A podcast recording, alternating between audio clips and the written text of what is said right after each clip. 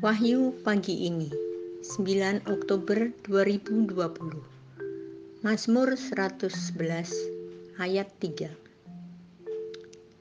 Agung dan bersemarak pekerjaannya dan keadilannya tetap untuk selamanya.